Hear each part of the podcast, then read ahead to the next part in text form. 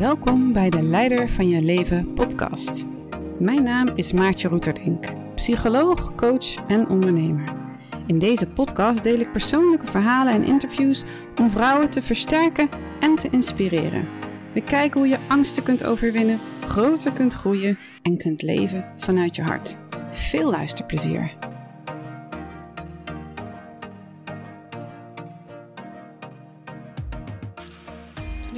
Met het leider van je leven, toen wist ik, er moet één onderwerp zeker aan bod komen en dat is grenzen. Want om echt leiderschap over je leven te kunnen ervaren, is het super belangrijk dat je je eigen grenzen kent en uh, uh, kan voelen, kan benoemen en naar buiten kan brengen. En um, het klinkt vaak heel makkelijk, maar het kan soms heel lastig voelen om daadwerkelijk grenzen te stellen. En ik moet dan, als ik terugdenk in mijn eigen, leven, denken aan de periode dat ik mijn, begon met mijn eigen praktijk. Dat was in 2008, 2009. En ik had daarnaast een baan voor drie dagen in de week. En ik had bedacht in mijn hoofd: oké, ik ga drie dagen in de week heb ik gewoon een, een loondienstbaan. En dan ga ik in die twee dagen daarna, daarnaast ga ik mijn eigen praktijk opbouwen. En dat leek me op papier een supergoed idee. En, um, maar ik merkte al snel dat mijn baan eigenlijk toch best wel heel veel energie van me vroeg. En dat ik in die andere twee dagen dan niet veel energie over had om nog in mijn eigen praktijk te steken. Maar goed, ik dacht, ik bleef een beetje vasthouden aan het idee van ja, maar het moet kunnen en het hoort zo. En mensen in mijn omgeving zeiden het ook. Ik werkte toen ook samen met een uh, marketingbureau om me te helpen om, om zichtbaar te worden. En ik herinner me ook dat die man dan nog tegen me zei zoiets van ja, maar dan kun je die twee dagen, dan moet je echt doorpakken en dan zet je dat neer en dan, nou ja, goed, dan komt het helemaal goed. En ik, en ik was toen nog veel meer gericht op de buitenwereld dan nu, op wat andere mensen vinden en zeiden. En um, ik had mezelf aangepraat dat ik dat dus moest kunnen en dat het allemaal ja, binnen die gestelde tijd moest lukken. Maar op een gegeven moment ging dat mis. En volgens mij was het in 2010. Toen viel ik op een gegeven moment gewoon letterlijk om. Dus ik, ik werd duizelig. Ik uh, had al langere tijd last van duizeligheid. En was, op een gegeven moment werd ik wakker en ik stond op. En ik kon gewoon niet meer recht staan. Dus mijn hele evenwicht was verstoord en ik viel letterlijk om. En ik kreeg toen last van mijn gehoor. Ik heb er uiteindelijk zelfs een gehoorbeschadiging aan overgehouden. En ik was drie of vier maanden echt uit de running. Ik denk een soort, ja, je kunt het misschien een mini-burn-out noemen. Uh, het lukte me echt totaal niet om te werken op dat moment. Ik had de energie echt niet. Ik werd volledig teruggeworpen in een uh, ja, gevoel van uitputting. En, um, en, en dat was heel, een hele lastige tijd, want ik had, was die praktijk begonnen. Er waren mensen die begonnen me al te bellen en te vragen wanneer ik zou kunnen. En ik kon ze eigenlijk alleen maar uh, nee verkopen of het duurt nog even. En, um, maar als ik terugkijk, heeft het me ontzettend veel geleerd. Juist ook die, dat, dat echt letterlijk omvallen, zeg maar. Heeft me heel erg geleerd dat ik grenzen moest gaan stellen. En veel beter met mijn eigen energie om moest leren gaan. Um, omdat ik veel te vaak soort van aanstond in de, ja, in de aanstand. Ik, ik zei te veel ja. Uh, en je zou kunnen zeggen, ik was onderbegrensd. Want als je zeg maar in de literatuur zoekt over grenzen, uh, dan vind je eigenlijk, dat is wel interessant om te delen, uh, drie vormen van grenzen. En dat noemen ze onderbegrenzing, overbegrenzing en gezonde begrenzing. En ik zat altijd aan de onderbegrenzing kant. En bij onderbegrenzing, um, ja, wat er dan gebeurt is meestal zeg je snel ja. Je bent heel toegankelijk, heel flexibel. Uh, maar je loopt ook snel leeg. Enerzijds. En anderzijds zuig je ook heel veel op uit je omgeving. En dat, dat had ik ook heel erg. Ook dat, hè, dat hoogsensitieve, heel veel opzuigen uit mijn omgeving. Maar dat duidt eigenlijk ook op te weinig uh, grenzen, te weinig filter. Um, ja, bij onderbegrenzing kan ook horen dat het moeilijk is om je eigen wensen te uiten. En dat je weinig eigen regie voelt. Dus ik voelde me toch heel vaak bepaald door andere mensen wat zij van mij wilden. En ik had het gevoel, daar moet ik aan, aan, ja, aan voldoen of aan gehoor aan geven. en ik heb heel erg moeten leren om naar gezonde begrenzing toe te groeien. En gezonde begrenzing, ja, wat is dat? Uh, dat betekent dat je je vrij voelt om zowel ja of nee te zeggen. Dat je voelt, ik mag dat, ik, ik kan dat. Dat je zelf die ruimte hebt. Bij gezonde begrenzing heb je een gevoel van eigen regie. Uh, en kun je ook je eigen wensen uiten. En kun je ook je eigen oplossingen vinden. Dus dat betekent dat je ook niet afhankelijk maakt van anderen. En het, een ander uiterste is weer overbegrenzing. En bij overbegrenzing zeggen mensen meestal eerder nee dan ja. Uh, is iemand niet toegankelijk of weinig toegankelijk? Uh, iemand kan een rigide of star zijn. Vaak is er ook veel wantrouwen naar andere mensen. Kan ze vaak zeker ook iets met sporen in de jeugd te maken.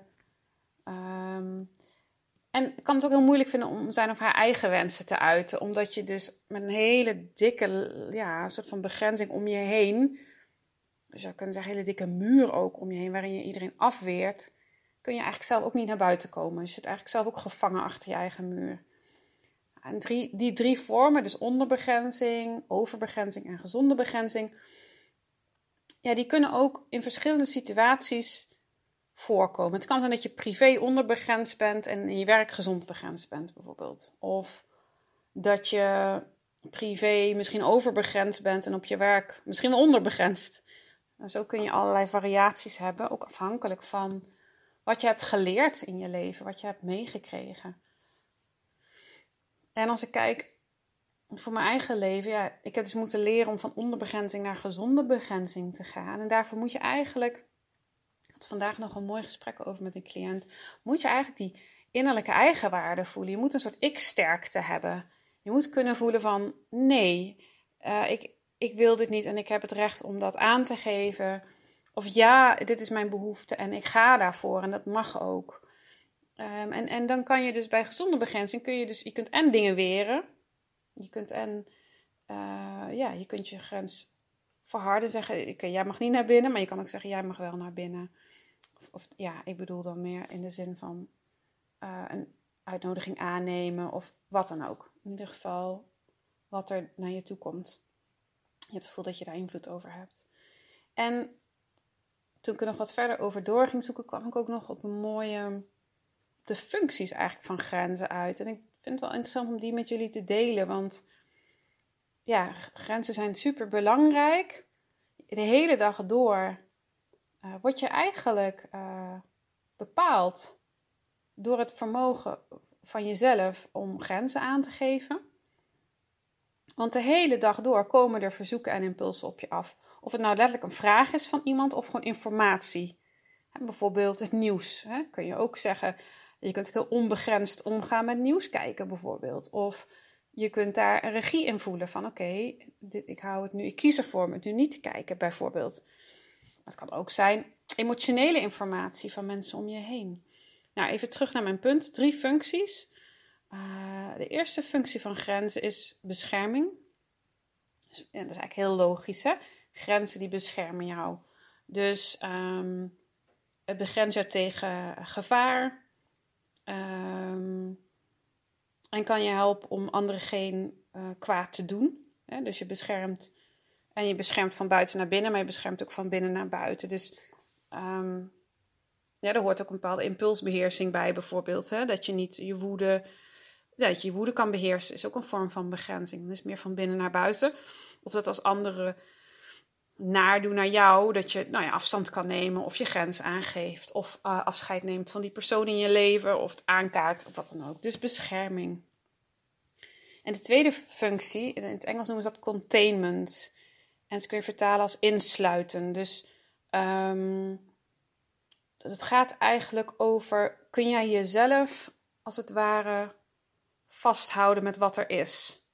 Het gaat over je sensaties, je emoties en je gedachten. Dus bijvoorbeeld, ik ben verdrietig en kan ik dan zijn met mijn eigen verdriet? Kan ik mijn eigen verdriet insluiten? Kan ik het uh, behapstukken? Kan ik ermee zijn? Um, als ik dat niet kan, uh, dan ga ik misschien mezelf verliezen in, ik zeg maar wat, emotie eten of zo. Om, Omdat ik eigenlijk niet met mezelf het kan insluiten. Omdat ik niet met mezelf, mezelf kan vasthouden in dat verdriet.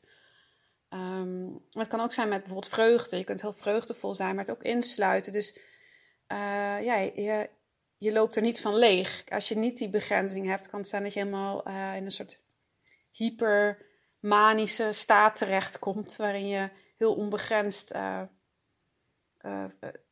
ja, vreugde voelt, maar ook daarvan leegloopt. Dus bescherming is de eerste functie, insluiten, containment is de tweede functie. En de derde functie is filteren. Um, grenzen stellen jou in staat om dus informatie te filteren. Um, bijvoorbeeld, gewoon heel simpel, je zit in een ruimte, in een cafeetje of zo, en er gebeurt heel veel om je heen.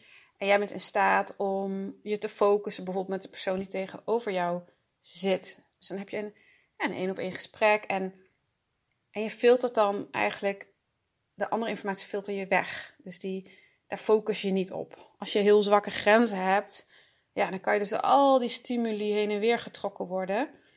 En ben je dus ook uh, best wel een speelbal van je omgeving. Dus ik vond het wel interessant om die drie functies te delen: van bescherming, insluiten en filteren.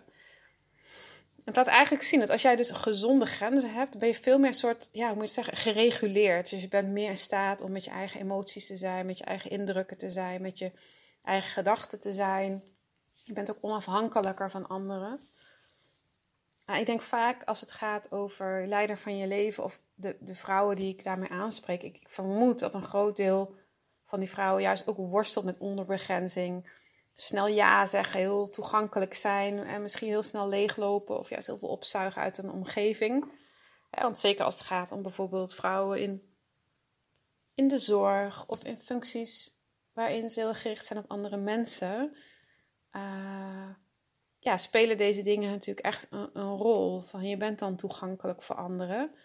En is het vaak echt leren van, maar hoe hou ik nou de regie? En regie gaat dus ook over gezonde begrenzing en het voelen dat jij in de lead bent over jouw eigen grenzen. Um, dus ja, wat dat betreft, uh, verhaal over grenzen. Ik ben benieuwd wat je erin herkent. Of je jezelf kunt herkennen in welke, waar zit ik eigenlijk op die. Zit ik in overbegrenzing, onderbegrenzing of ben ik eigenlijk al redelijk gezond begrensd? En je zou ook eens na kunnen denken over die functies. Van hey, hoe werkt dat eigenlijk voor jou? Is, misschien kun je jezelf heel goed begrenzen, maar of beschermen, maar vind je het nog lastig om informatie te filteren. En dan zou je er ook mee kunnen oefenen, misschien in drukke situaties, om een, bijvoorbeeld een grens om jezelf heen te visualiseren of een soort afbakening. Um, ja, dat is het einde van deze podcast. Heel erg bedankt voor het luisteren. Wil jij meer weten? Op www.leidervanjeleven.nl kun je eenvoudig mijn e-book downloaden. Scroll onderaan de pagina en vul je gegevens in.